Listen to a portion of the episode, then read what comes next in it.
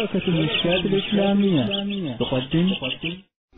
الحمد لله رب العالمين والصلاة والسلام على رسول الله الأمين وعلى آله وأصحابه ومن اهتدى بهديه واستنى بسنته واستقام على شرعه إلى يوم الجمع والدين. السلام عليكم ورحمة الله وبركاته. انقطع بنا الحديث وقد تحدثنا عن العرب الذين هم في اليمن. وتحدثنا عنهم باعتبارهم أصل العرب. وهم من العرب العاربة. ومن هذه القبائل اليمنية العاربة قبيلة عملاق وقبيلة جرهم. وجرهم هي القبيلة التي ساكنت هاجر وإسماعيل في مكة. ومنها تزوج إسماعيل عليه السلام. وأصل العرب الآن الذين هم على ظهر الأرض إما عرب قحطانية والقحطانية هم العرب العاربة. ينتسبون إلى يشجب ابن يعرب ابن قحطان. ومنهم لخم وجذام وقد تحدثنا عنهم عن العرب اليمنية بدءا من سبأ وهو سبأ ابن كهلان يرجع نسبه إلى قحطان. بقي أن نتحدث عن الشق الثاني من العرب وهم العدنانية. والعرب العدنانية عرب مستعربة. ومنهم رسولنا الكريم رسول الله محمد صلى الله وسلم عليه وعلى آله وسلم. هم عرب عدنانية ينتسبون إلى عدنان. وأثبت النبي صلى الله عليه وسلم صحة نسبه إلى عدنان. بقوله إن الله اصطفى من ولد إسماعيل عدنانا. والحديث في مسلم. واصطفى من عدنان كنانة. واصطفى من كنانة بني هاشم واصطفاني من بني هاشم. فدل على أن الصفوة في عدنان. مما هو متفق عليه أن مكة البلد الحرام قديمة. وهي حرم قديما.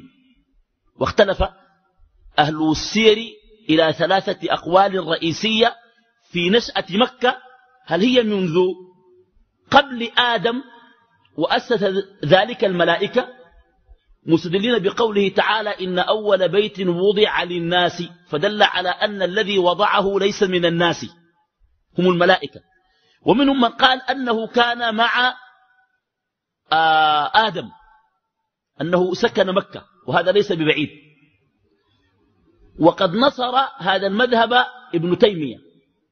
ومنهم من قال أن مكة تأسست مع إبراهيم عليه السلام على اختلاف في تأويل قوله جل وعلا لا أقسم بهذا البلد أي مكة وأنت والمقصود بذلك رسولنا عليه الصلاة والسلام وأنت يا محمد حل أي نازل وقد حللت بهذا البلد ووالد وما ولد.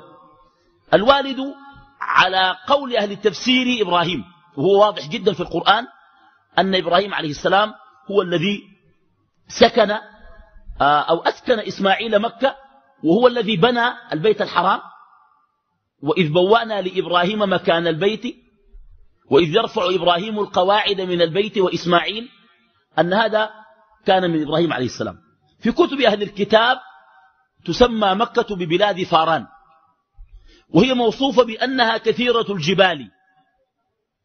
ولذلك جاء من النصوص الموجودة في كتب أهل الكتاب بدأ الوحي في سيناء واستعلن في ساعير وتلألأ من فاران. ساعير هي بيت المقدس. وهذا يرجعنا إلى تاريخ قديم في التاريخ وهو أن إبراهيم عليه السلام كان أصلا في بلاد حران وقيل أنه قبلها كان في بابل. خرج منها بعد أن ألقي في النار ونجاه الله عز وجل إلى بلاد الشام إلى بيت المقدس. قال الله جل وعلا في ذلك ونجيناه ولوطا إلى الأرض التي باركنا فيها للعالمين. ويقصد بذلك فلسطين. وما حولها من بلاد الشام وهي أرض مباركة. خرج إليها إبراهيم عليه السلام. وجد فيها قوم وجد إبراهيم قوما عرب.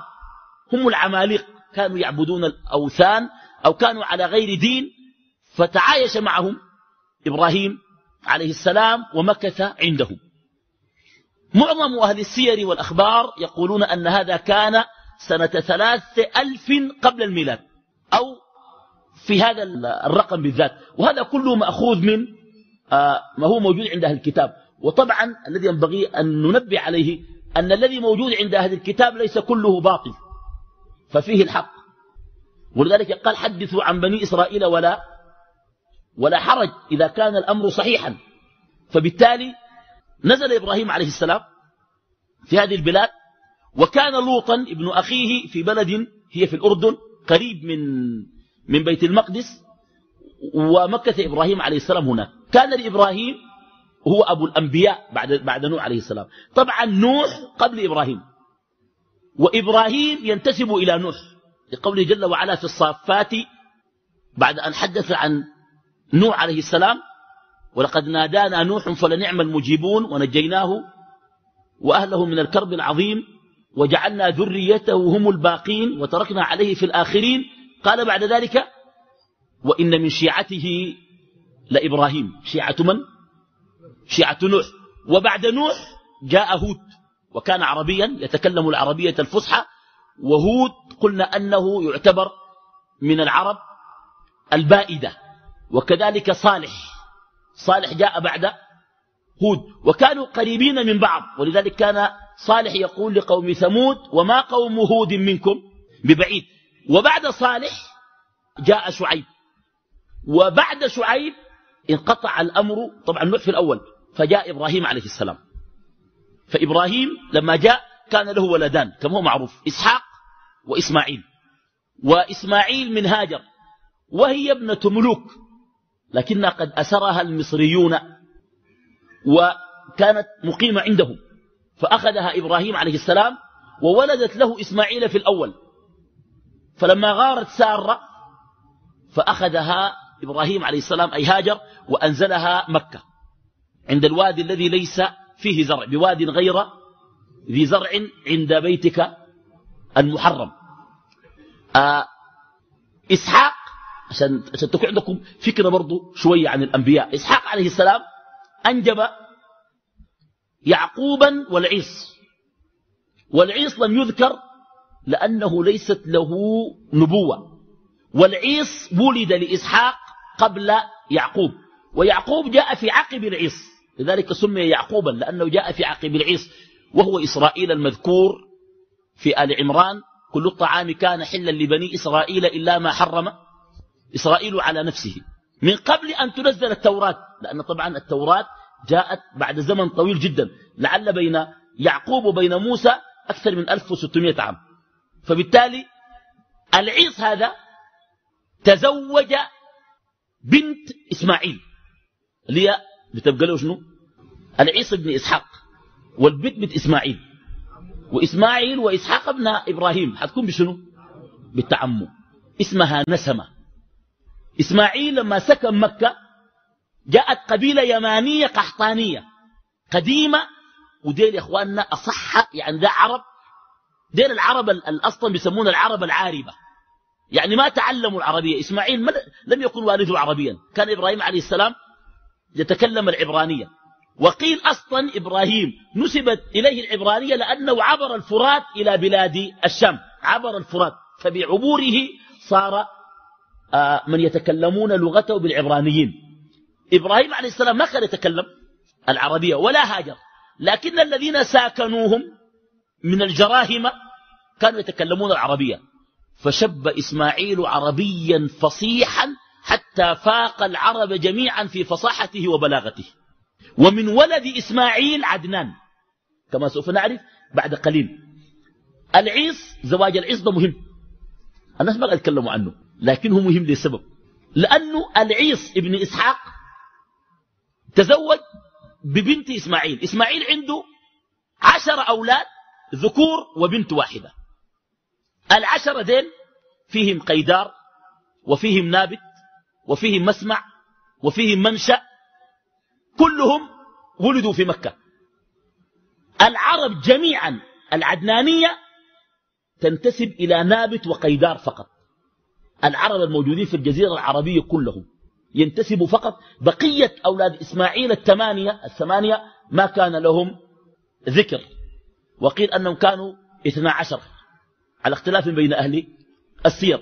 البت الوحيدة تزوجها ابن عمها فأنجب ولدا شديد البياض أو الحمرة فسماه روما. وروم هذا هو أبو الروم الموجود ال الذين هم الآن موجودون في العالم. الروم ديل؟ هم الخواجات باختصار يعني. الخواجات ديل أمهم بنت إسماعيل. اللي هي أمهم نسمة بنت إسماعيل بن إبراهيم وأبوهم العيص ابن إسحاق ابن إبراهيم وهي نسمة بنت إسماعيل بن إبراهيم عليهم وعلى نبينا الصلاة والسلام. فبالتالي يعقوب كان له أبناؤه كما تعرفون. على رأسهم يوسف الصديق النبي. يوسف سكن مصر ونقل معه بقية إخوانه وأهله إلى مصر. وهنا جاءت حلقة عظيمة جدا في تاريخ البشرية والإنسانية محطة من أعظم محطات الأنبياء وهي محطة موسى عليه السلام. موسى ده براو. كاد القرآن أن يكون موسى. أي مصحف. أي صفحة تفتحها تلقى فيها موسى. كاد القرآن أن يكون موسى موسى عليه السلام. موسى هذا إسرائيلي. بمعنى إنه جده يعقوب. يعقوب كان عنده أبناء. 12 ولد. اللي هم 11 كوكب؟ الأبناء ال11 وحتى ال11 لم يكونوا أبناء أم واحدة. فأمهاتهم مختلفات. ويوسف 12 دين الأصباط. والصبت الفرع. سبط الشيء فرعه. ونحن نسمي الحسن والحسين رضي الله عنهما بالسبطين لأنهم يدلون إلى من؟ إلى رسول الله صلى الله عليه وسلم. فالأسباط الفروع. بقي هؤلاء الفروع. النبوة كانت في صبت لاوى ولاوى ولد من أولاد يعقوب. يوسف وبنيامين وإفراثيم ويهوذا ده واحد من الأولاد ولاوى ده أبناء يعقوب. يعقوب مكث في مصر وبق وتكاثر أبناؤه لكنهم كانوا شعبا مضطهدا. وتلك نعمة تمنها علي أن عبدت بني إسرائيل. بني إسرائيل بني منه يعقوب. إسرائيل ده منه يعقوب بن أولاده الاثناشر بتوالدوا بقوا شعب كبير. صار مسخرا لمن؟ للفرعون. والفرعون جنسه شنو؟ قبطي. ما مصري. قبطي. مصر دي ما كبيرة. مصر بلد. لكن الجنس شنو؟ حتى يقول لك واحد دنقلاوي ما ما في حاجة دنقلاوي دنقلة دي ما بلد. دنقلة سكنوها قبائل كثيرة. في بعض القبائل العربية وبعض القبائل النوبية النوبيون هم أهل البلد. والقبائل العربية هم الذين جاءوا مع شنو؟ مع الفتح الإسلامي ودخلوا بالاتفاقات وكذا. عشان كده في أكثر من قبيلة دنقلة في أكثر من قبيلة. وكذلك مصر. مصر بلد في أكثر من شنو؟ أكثر من قبيلة. وكذلك السودان بلد فيه أكثر من شنو؟ الله أعلم أكثر مننا ما في ذاته في القبائل. السودان ده ما شاء الله كثرة قبائل. يا أخي قبائل يعني كثيرة خلاص. وينبغي أن يكون هذا يعني سببا لنهضة. وليس سببا لتنافر ولا تناحر. أنه قال يعني يا أيها الناس إنا خلقناكم من ذكر وأنثى وجعلناكم شعوبا وقبائل لتعارفوا. هذا للتواصل الإيجابي وليس للتقاطع السلبي بين القبائل. ده يقول أنا أحسن منك وده يقول نحن قبيلتنا أحسن ونحن خشينا قبالكم في السودان. يا أخي خشيته وخشينا نحن كلنا قاعدين حسا ما في حاجة اسمها خشينا وخشيته. فما ما تعمل لنا جوطة وتعمل لنا مشاكل يعني قبلية وفتن نحن في غنى عنها فبالتالي يعقوب عليه السلام لما بقي في مصر وتوالد الإسرائيليون في مصر لما صار عدد كبير أرسل الله فيهم نبيا من أولي العزم. ودي محطة كبيرة جدا. اللي هو اسمه موسى ابن عمران. وهو من سبتلاوى ابن يعقوب. انت لما تلقى بني إسرائيل فجأة تقول بني إسرائيل في مصر. الود الناس مصر شنو؟ وداهم يوسف لما كان حاكما عليها. أتى بهم من بيت المقدس إلى إلى مصر. خرجوا منها في عهد موسى عليه السلام وبعد موسى جاء يوشع بن نون فتاه وكان نبيا من الأنبياء وهو الذي فتح بيت المقدس من العماليق موسى أراد أن يفتحها فاستعصى عليه بنو إسرائيل وقالوا إن فيها قوما جبارين والقوم الجبارين دي العرب. عماليق والعماليق عرب يمانية قحطانية يرجعون في نسبهم إلى شنو؟ إلى العرب القحطانية. وقحطان قديم بالمناسبة. والعرب أقدم من إبراهيم عليه السلام نفسه لأنه لما جاء إبراهيم وجد من؟ وجد العرب. بعد ذلك دخلوا بيت المقدس وتوالت الأنبياء على بيت المقدس. توفي موسى عليه السلام. أهل السجر يقولون أن ذلك كان سنة 1137 قبل الميلاد.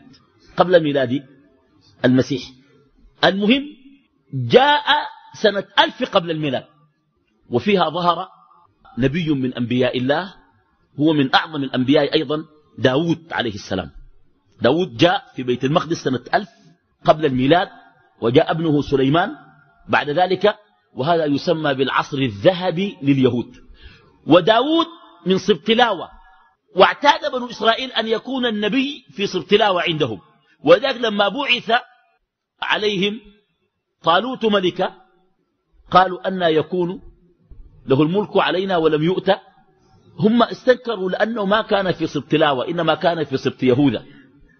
المهم بعد ذلك إلى أن جاء عيسى عليه السلام كل ذلك في بني إسرائيل. ثم أراد الله عز وجل أن يبعث نبيه محمد صلى الله وسلم وبارك وأنعم عليه وعلى آله وصحبه وسلم. طيب. هذا التاريخ الذي استعرضته بسرعة لتاريخ الأنبياء وللتسلسل عشان تعرف قبل التالي إنه موسى قبل يعقوب ولا موسى بعده؟ موسى بعدهم بكثير جدا وداود بعد موسى. هذا هو شنو؟ التسلسل. وصالح وهود قبل إبراهيم. ولكنهم من ذرية من؟ نوح. من ذرية من؟ نوح. وبينهم وبين نوح أربعة أجيال فقط. هود وصالح وشعيب. أما إبراهيم فبينه وبين نوح أمد لكن الله أثبت أنه من شيعته وإن من شيعته لإبراهيم. طيب ننتقل بعد ذلك إلى مكة. ننتقل إلى مكة. العرب الذين سكنوا مكة جراهمة جرهم. تزوج إسماعيل عليه السلام جرهمية واسمها السيدة. اسمها كده السيدة. ده اسمها يعني مش لقبة السيدة. والدها مضاضد ابن عمرو الجرهمي مضاضد ده والدها وحكم الجراهمة مكة. كانوا هم الحكام الفعليين. إسماعيل عليه السلام كان نبيا ولده لا يعلم فيهم نبوة غير أنهم ما حكموا. لكن الجميع كان على دين إبراهيم عليه السلام. الجراهمة في فترتهم ظهر رجل في الدنيا حكم الدنيا كلها بما فيها مكة والعالم كله وكان كافرا. يسمى بخت نصر البابل العراقي سلطه الله. لأنه ما حكم الدنيا كلها إلا مؤمنان وكافران. الإسكندر ذو القرنين وسليمان عليه السلام. ومن الكفار النمرود بن كنعان وبخت نصر البابلي. وكان ذلك بعد إسماعيل بزمن. وقبل عدنان. وتقريبا سنة 587 قبل الميلاد. سنة 587 شنو؟ قبل الميلاد. دمنه ده وقت نصر بعض الروايات تقول أن القيادة كانت في ولد إسماعيل. والذي تصدى من مكة لبخت نصر هو عدنان نفسه. كويس؟ بخت نصر يسلط على الناس وقتل الناس. ابن إسماعيل والجراهمة تفرقوا. بعضهم ذهب إلى اليمن وبعضهم ذهب إلى حران في الشام إلى جهة الشام. خلوا البلد وطفشوا. وما خلى حتى بيت المقدس. جاء وكسر وهدم المعابد فوق رؤوس الإسرائيليين التي عندهم. وطبعا ده بعد زمن من؟ بعد سؤال لأنه سؤال ما قلنا في التاريخ يكون سنة كم؟ ألف قبل شنو؟ الميلاد وبخت نصر 587 قبل شنو؟ بعد بخت نصر الذي أعاد لبني إسرائيل الأمجاد هو عزير. هو من؟ هو عزير. وده برضه محطة من المحطات في تاريخ الأنبياء.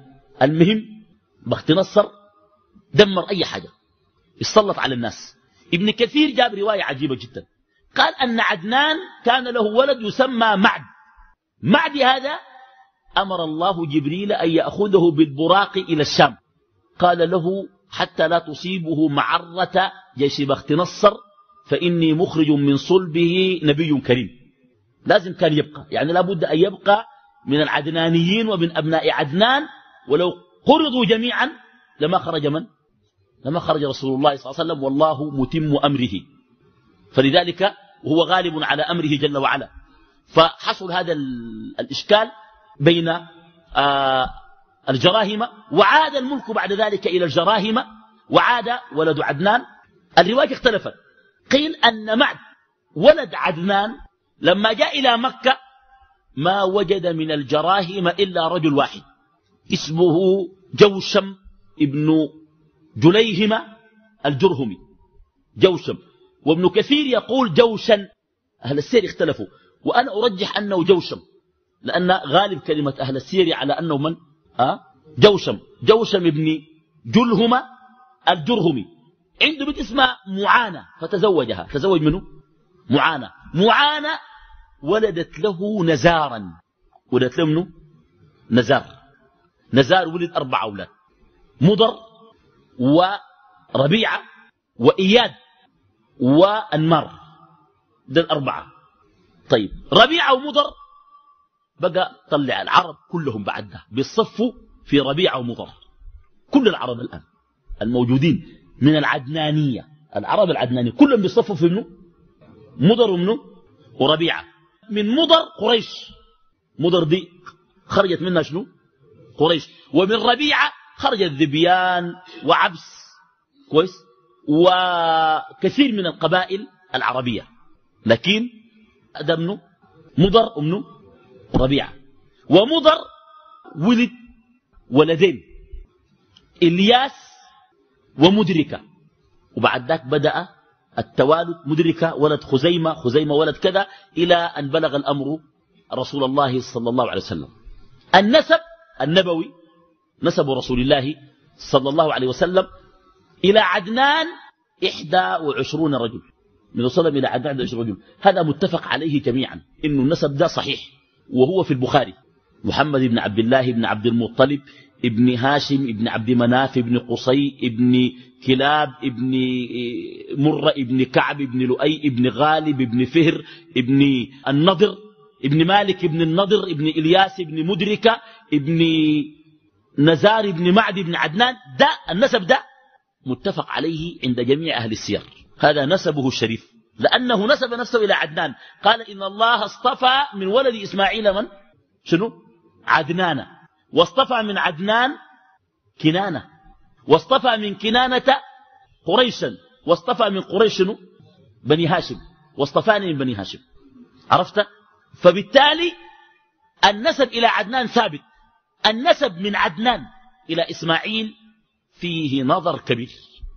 وكان الإمام مالك يكره أن يرفع وأن يزاد نسب النبي عليه الصلاة والسلام إلى إسماعيل لعدم وجود وضوح في هذا النسب بالرغم من أنه بالجملة ينتسب إلى من؟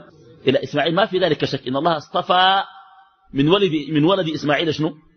عدنان فدل على أن النبي عليه الصلاة والسلام من ولد من؟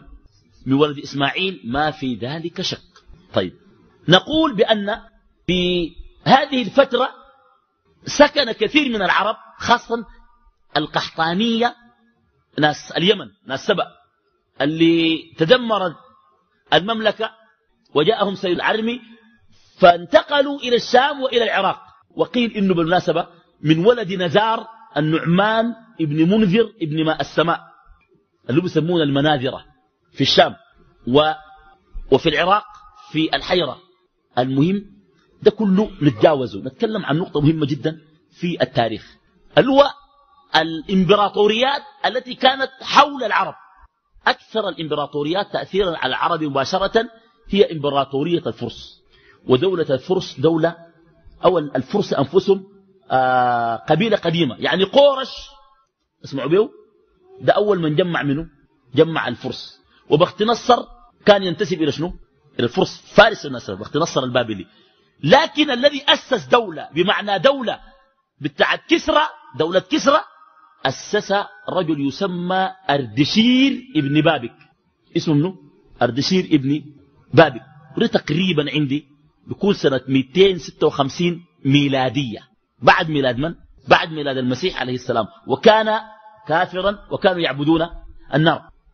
بعده بعد أردشير جاء سابور ويقال شابور الاثنين صحيحات. سابور ابن أردشير ولده.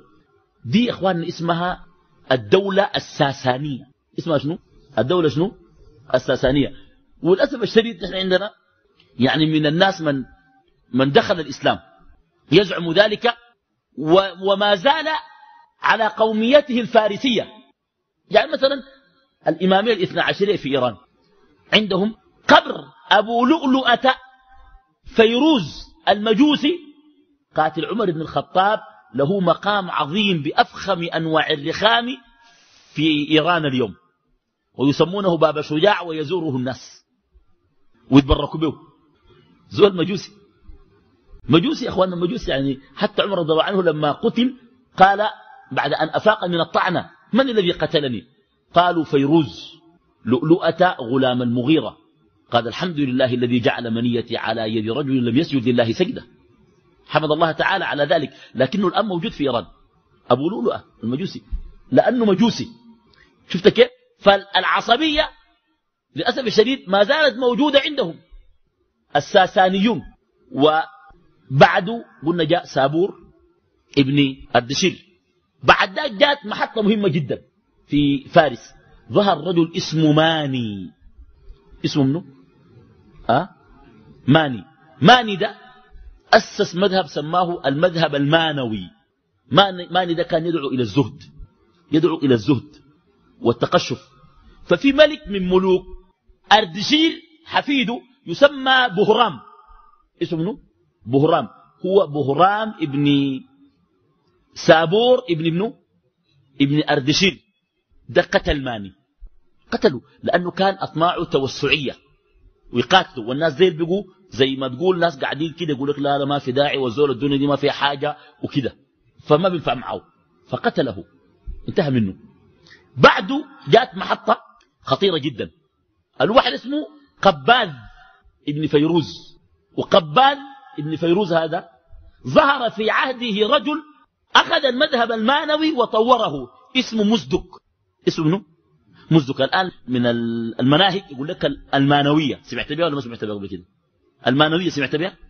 المانوية والمزدكية. المزدكية الشيوعية في المال والنساء دي اسمها مزدكية. ومنهم ماركس ولينين وستالين. دين مزادكة. مزدك. مزدك ده كان بيقول بالشيوعية في المال والشيوعية في شنو؟ في النساء. قباد كان معجبا به فجعل المزدكية الدين الرسمي للدولة. طبعا هم اكتسحوا بلاد العرب. لكن ما بيحكموا العرب مباشرة لأن العرب لا يدين لهم. فجعلوا في الحيرة عربي يحكمهم. وكان آه الذي يحكمهم المنذر ابن ماء السماء والد منه والد النعمان. فعرض عليه قبان المذهب المزدكي فأبى أنفة لأن العرب ما بيتحملوا في الحريم حاجة. أعراضه كده ما بيتحملوا فيها ممكن يموتوا يعني. فأبى فأقاله. وجاء برجل عربي غيره. دمنه قباد. بعد قباد جاء ولده. ولده اسمه أنو شروان. اسمه أه؟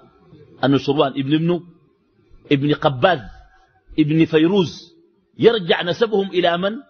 إلى سابور ابن ابن أردشير ابن بابك.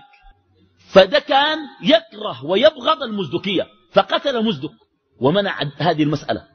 لأنه اختلط الأمر. حتى قال لك الزول في البلد هناك ما بيعرفوا أبوه منه. ما في بيقدر يقول أبوي فلان. ما خلاص صارت الحكاية مشاعة فشعر إنه البلد ده تتدمر. فقتل مزدكا ورجع إلى عبادة النيران. اسمه منه كسرى أنو أنو شروان ابن منه ابن قباز. ده منه ده كسرى. ورجع المنذر إلى الحجر حاكما. وبات المنذر فجاء النعمان. أنو شروان ده أخطر ملك في الفرس. ده اللي هزم الروم. ده اللي هزم منه الروم. فنزل القرآن غلبت الروم في أذن الأرض. غلبوا منه كسرى أنو شنو؟ أنو شروان. وكسرى هذا في زمنه ولد النبي عليه الصلاة والسلام. كما سوف نعرف لما ولد سقط إيوان شنو؟ إيوان كسرى. حتى استغرب قال حصل شنو؟ هذا هو كسرى منه؟ أنوشروان كسرى أنوشروان هذا عين النعمان بن منذر ابن ماء السماء والنعمان بن منذر وشى به إلى كسرى واحد اسمه زيد ابن عدي العبادي عربي وشبهه فكسرى قال للنعمان تعال لي. داري قتله وما في زول بيقدر يفلت من قبضة منه. كسرى يعني خلاص لما يقبل عليك شوف النعمان ده بعيد منه ماشى بنفسه له النعمان ذهب إلى كسرى. كسرى ده حكم. ده أنوشروان ده؟ حكم 48 سنة. 8 وشنو؟ تخيل في بيحكم 48 سنة. كويس؟ 48 سنة. يا أخي ده خطير خلاص.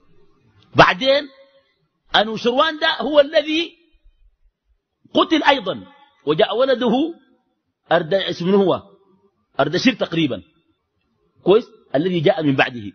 فحصلت واقعة عجيبة جدا في عصر كسرى هذا. لما أرسل إلى النعمان جاءه النعمان لكن النعمان مر على بني شيبان عرب. وهم عرب من, من ربيعة أولاد عدنان من العدنانية. مر النعمان بهاني ابن مسعود الشيباني.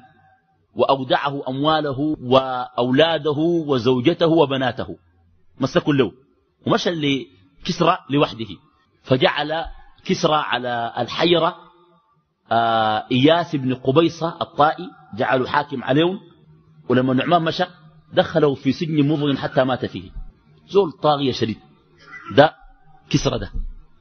كسرى هذا آه طلب من هاني ابن مسعود أن يسلمه بنات من؟ النعمان. فأبى هذا الرجل حمية. أبى. فأرسل إليه كسرى جيش ضخم جدا. وانضم هذا الجيش إلى جيش إياس. وقصدوا بني شيبان. وقعت معركة من أعظم معارك التاريخ مش تاريخ الإسلام. إلى هنا النبي صلى الله عليه وسلم لم يولد. نحن حد حسب ما جينا في شنو؟ في الميلاد. وقعت معركة عظيمة. انتصر فيها بنو شيبان لأول مرة في تاريخ العرب عن الفرس. كانت في ذي قار. في شنو؟ في ذي قار وهي مشهورة. ذي قار. وسببها أن هاني ابن مسعود أبى أن يسلم بنات النعمان وأمواله وأهله لمن؟ لكسرى. وكان كسرى عادة ما عاد جدا يعني يسبي نساء العرب يسبيهم. والعرب كانوا يرون أن هذا من الجرائم الكبيرة جدا عندهم. فبالتالي قيل كانت معركة ذي قار بعد ميلاد النبي صلى الله عليه وسلم بقليل. عرفت؟ بعد ميلاد النبي صلى الله عليه وسلم بشنو؟ أه؟ بقليل. وقيل أن الذي قتل على يد أولاده ولده. وهذا حكم 28 سنة. كويس؟ المهم نرجع إلى مكة. ده خارج مكة ما يحصل في خارج مكة في ذات التاريخ. وده كله قبل شنو؟ قبل ميلاد أه سيدنا رسول الله صلى الله عليه وسلم. يا سلام. يعني فعلا التاريخ ده عجيب. والناس بيحبوا التاريخ ذاته. ما بيتململوا أصلا بيكونوا قاعدين كده يسمعوا ما يعني روايات وأشياء. خاصة لما يربط لك بأشياء أنت قد تكون سمعت عنها نتفا. هنا وهنا وكده سامع حاجات. لما يلملمون ليك مع بعض كده وتتجمع. انت بتلعب بشيء الجراهم بعد بخت نصر رجعوا إلى شنو؟ إلى مكة وكانوا حكاما فيها. جاءت نقطة فاصلة في تاريخ مكة. وده كله قبل شنو؟ أه؟ قبل الميلاد.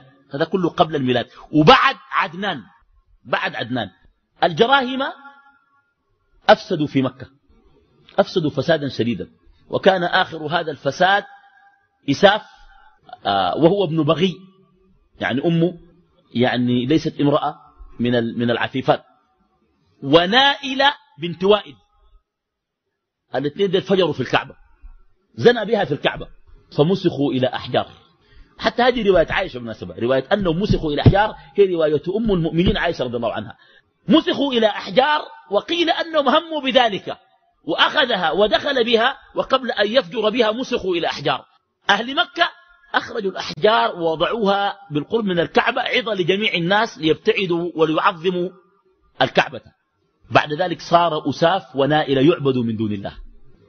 عبد عبدون يعني كان من الأصنام التي جاء النبي صلى الله عليه وسلم وكسرها. من الأصنام التي كسرها النبي عليه الصلاة والسلام في فتح مكة. إساف وشنو؟ ونائلة. طيب لما أفسد الجراهم كانت قبيلة يمانية أخرى وهي خزاعة. نازلة قريبة من مكة. فاستعان بهم أولاد إسماعيل وحصلت مقتل عظيمة جدا وبها طرد الجراهم من مكة بالكلية فرجعوا إلى اليمن. حتى يعني أن قائلهم هو عمرو ابن الحارث ولعله يرجع إلى مضاد ابن جرهم أو الجرهمي يرجع نسبه في الأخير إلى إلى الجراهم. يقول يعني كأن لم يكن بين الحجون إلى الصفا أنيس ولم يسمر بمكة سامر. يعني بذكر الأيام الخوالي في مكة وكان عنده تعلق بها. فقال كأن لم يكن بين الحجون إلى الصفا أنيس ولم يسمر بمكة سامر. فقلت لها والقلب مني كأنما فقلت لها والقلب مني كأنما يجلجله بين الجناحين طائر. يعني شبه قلبه بجناحين بتاع طائر طوالي بهزون يعني قلبه أبى يستقر في قصيدة طويلة وصارت خزاعة هي حكام شنو؟ حكام منه حكام مكة. وأصل مكة حقت منه إسماعيل صح؟ مش إسماعيل؟ جت ولد في المحلة دي لما اتولد كان معه زول؟ لا انسي لا جن حايم في المحلة دي هو أمه. الجراهم جو قال لهم خلاص أنزلوا. لكن اشترطوا عليهم أن الماء يسقونهم من الماء ولا نصيب لهم من زمزم. طبعا اتفجرت اتفجر ماء زمزم. بعد ذلك بقي خزاعة بقيت خزاعة في الحرم. وخزاعة هذه بعض أولاد إسماعيل أولاد عدنان كانوا خارج مكة. خزاعة دي بقى حقهم نجيب عندها وقفة. تسمعوا كما في الصحاح في البخاري ومسلم وغيره بعمر بن لحي. اسمه عمرو بن لحي شنو؟ الخزاعي ده ماله ده؟ عمرو بن لحي الخزاعي جاء إليه الملك عن طريق خزاعة. ما طردوا منه؟ الجراهم وصاروا هم شنو؟ الملك. وأبناء إسماعيل لا ينازعونهم. أصلا إسماعيل مسالمين. ما قاعدين ينازعوهم قاعدين بس أبي يقولوا الملك حقنا.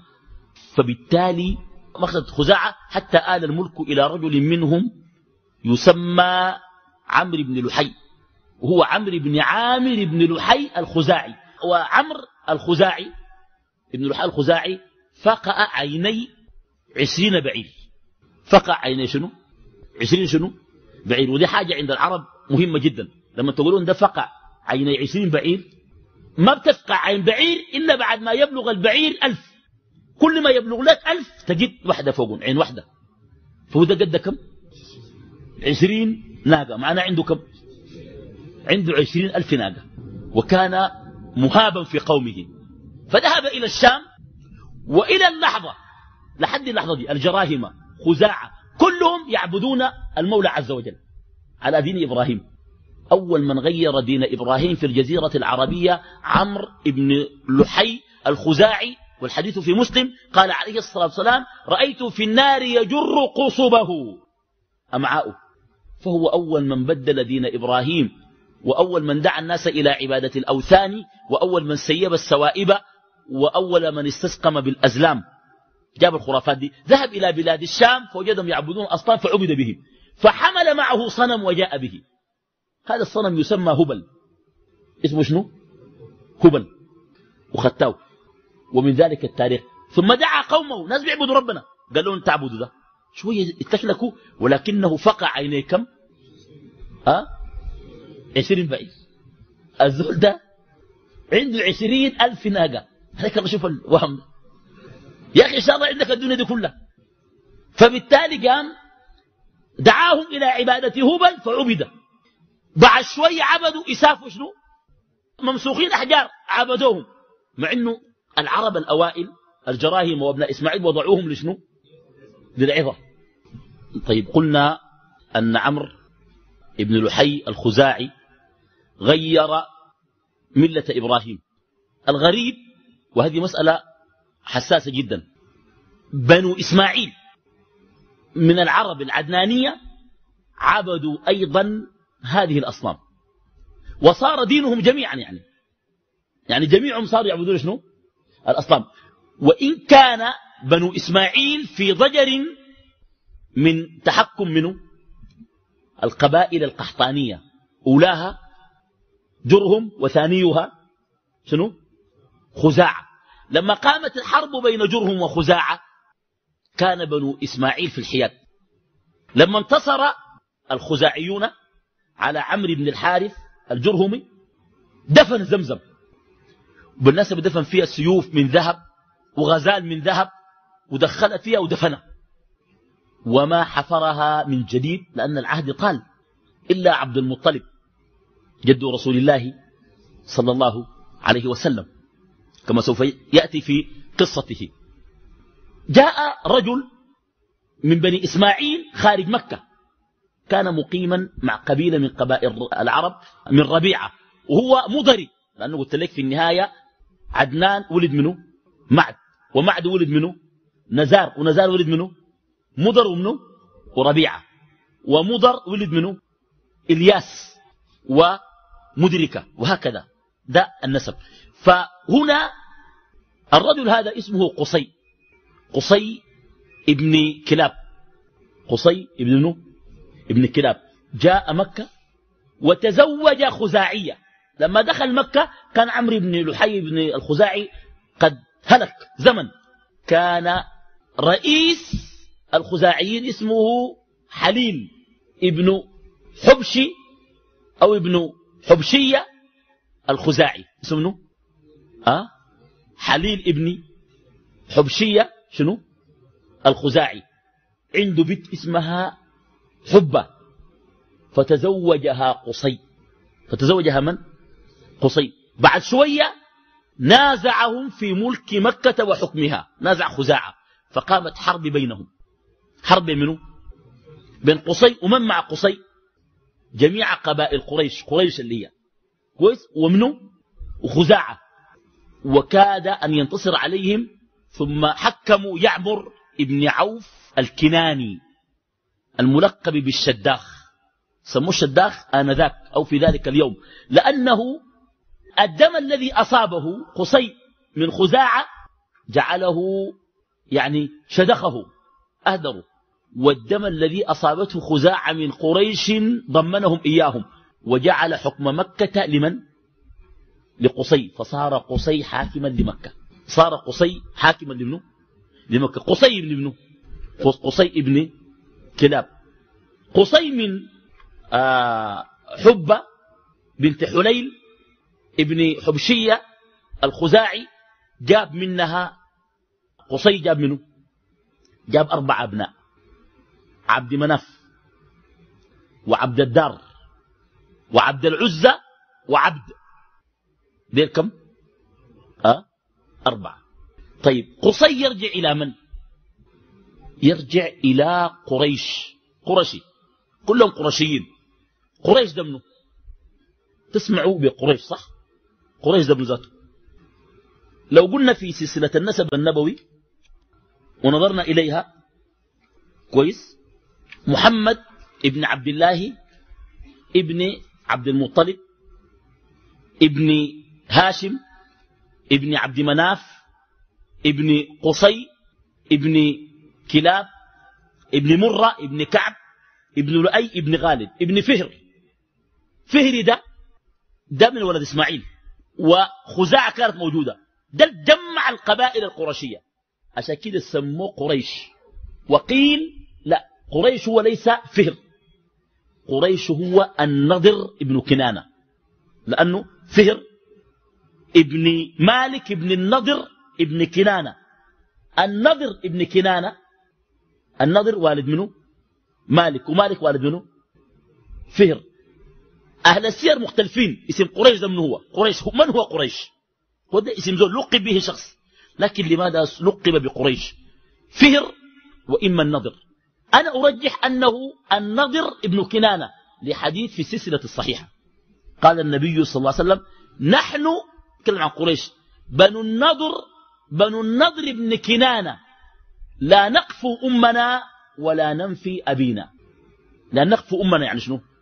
القافة إلحاق النسب بالشبه. يعني ما ما بتجيبوا لك شنو بشبه امي ولا بشبه امي ولا بنعمل كده قال. من كتب ما متأكدين في نسبهم قالوا ولا بقول لك شنو؟ نشبه شنو؟ أمنا ولا ننفي من؟ أبانا. وابوه منه النضر. طيب اسم قريش جاي من وين طيب يا اخوانا قريش. الاسم ده جاي من وين؟ قيل اسم قريش جاء من الجمع لأن النذر أو الفهر على حسب قول أهل السير. هو الذي جمع بنو إسماعيل العدنانية فسموه قريش. حتى العرب اسم التقرش عنده في اللغة القديمة. يقولون وإخوة لنا قرشوا الذنوب جميعا. قرشوا يعني شنو؟ جمعوا. وقيل التقرش من التجارة والتكسب. وقيل التقرش من التفتيش والتنقيب. وابن عباس سألوه قال لي لماذا سميت قريش قريشا؟ قال أتعرفون السمك الكبير والحوت العظيم في البحر؟ قالوا القرش. قال هو يلقف كل ما يأتيه وقريش تلقف كل ما يأتيها. كويس؟ فإما عندنا أربع آراء. إما من الجمع وإما من شنو؟ من التقرش اللي هو التكسب والتجارة. وهذا لم يكن معهودا عند العرب لإلاف قريش. إلافهم رحلة الشتاء والصيف. وقيل قريش من من السمكة الكبيرة. سمك شنو اسمه؟ القرش. فيبقى اللي بيكون منسوب إلى سمك القرش قريشي قريش هذا يعني ما يمكن أن يقال في في قريش. طيب ممكن نتكلم شوية عن نتكلم عن قصي. محمد بن عبد الله بن عبد المطلب ابن هاشم ابن عبد مناف ابن منه أه؟ ابن قصي. كويس قصي ابن منه ابن كلاب ابن مرة ابن كعب ابن لؤي ابن غالب ابن فهر ابن مالك ابن النضر ابن كنانة ابن إلياس ابن مدركة ابن خزيمة ابن من؟ ابن نزار ابن معد ابن عدنان. ده نسب من؟ هذا نسب رسول الله صلى الله عليه وسلم أشرف النسب. قصي ولد أربعة. عبد الدار أكبرهم. بعد ما مات الأبناء الأربعة اختلف أبناؤهم. لأن عبد الدار كانت عنده كل الأشياء. قصي عمل دار تسمى دار الندوة. برلمان لقريش كلها. وكان سيد قريش بكل قبائلها. في قريش سهميون. من قريش سواء كان فهر أو أو النضر بن ابن كنانة فيهم بنو سهم. السهميين. وفيهم بنو عدي. السهميين منهم عمرو بن العاص. وبني عدي منهم عمر بن الخطاب. عرفت؟ عبد مناف ابن قصي نازع أخوه. هنا جاء حلف المطيبين لأنه تنازعوا إنه عبد الدار بنسى عبد الدار من أشرف أولاده الذين ينتسبون إليه نسبا مباشرا مصعب بن عمير. مصعب بن عمير من بني شنو؟ من بني عبد الدار. وعبد الدار ود منه ود قصي. وعبد مناف ود منه ود قصي. النبي صلى الله عليه وسلم في منه في الأربعة ديل في منه في عبد مناف. عبد العزة برضو فيه من ذريته من صلح وصار من أعلام آه الأمة. طيب بعد ده قلنا عبد مناف. عبد مناف آه أنجب أربعة من الأبناء. اثنان ثلاثة أشقاء. اللي هو أنجب هاشما. أنجب منه هاشم. وأنجب عبد شمس. وأنجب منه عبد منه عبد شمس. وأنجب نوفلا. برضو واحد اسمه نوفل. ولعل برضو فيهم عبد العزة طيب عبد العزة كان بيسموه المطلب بس المطلب ساكت.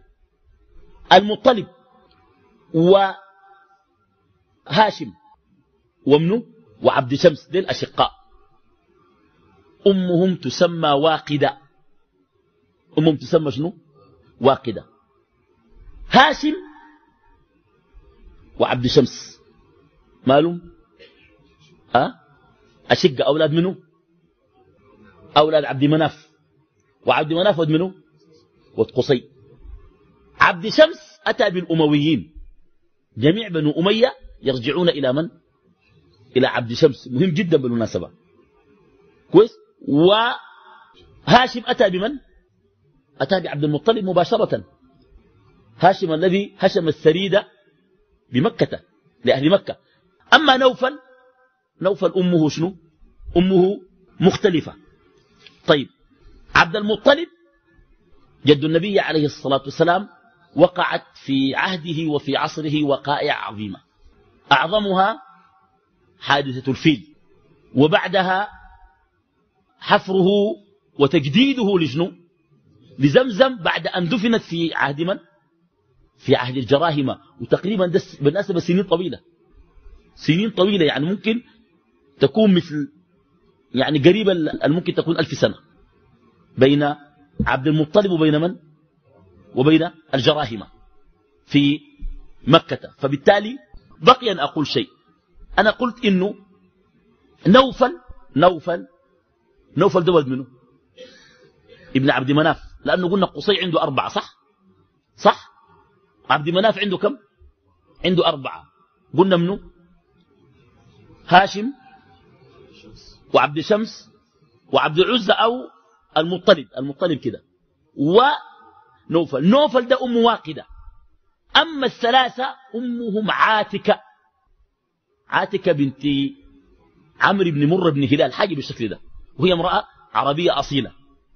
كويس؟ قصي قصي كده أنا أرجعكم شوية بس. قصي ابن ابنه قلنا؟ ابن كلاب. قصي ابن ابنه ابن كلاب. قصي عنده شقيقه. اسمه زهرة. وده جاب بني ابنه بني زهرة. ومنهم آمنة بنت وهب. يعني آمنة بنت وهب ليست بعيدة. آه تلتقي مع النبي صلى الله عليه وسلم في ابنه في كلاب. ما قصي وزهرة شنو؟ أخوان فإذا انتسبت إلى زهرة معنا ما حتنتسب إلى منه إلى قصي حتنتسب إلى, إلى, إلى والد قصي هو منه هو كلاب. ولذلك كان نسبه صلى الله عليه وسلم شريفا من الجهتين. من جهة أجداده لأبيه ومن جهة أجداده لمن؟ لأمه صلى الله وسلم وبارك وأنعم عليه وعلى آله وصحبه وسلم تسليما كثيرا. بارك الله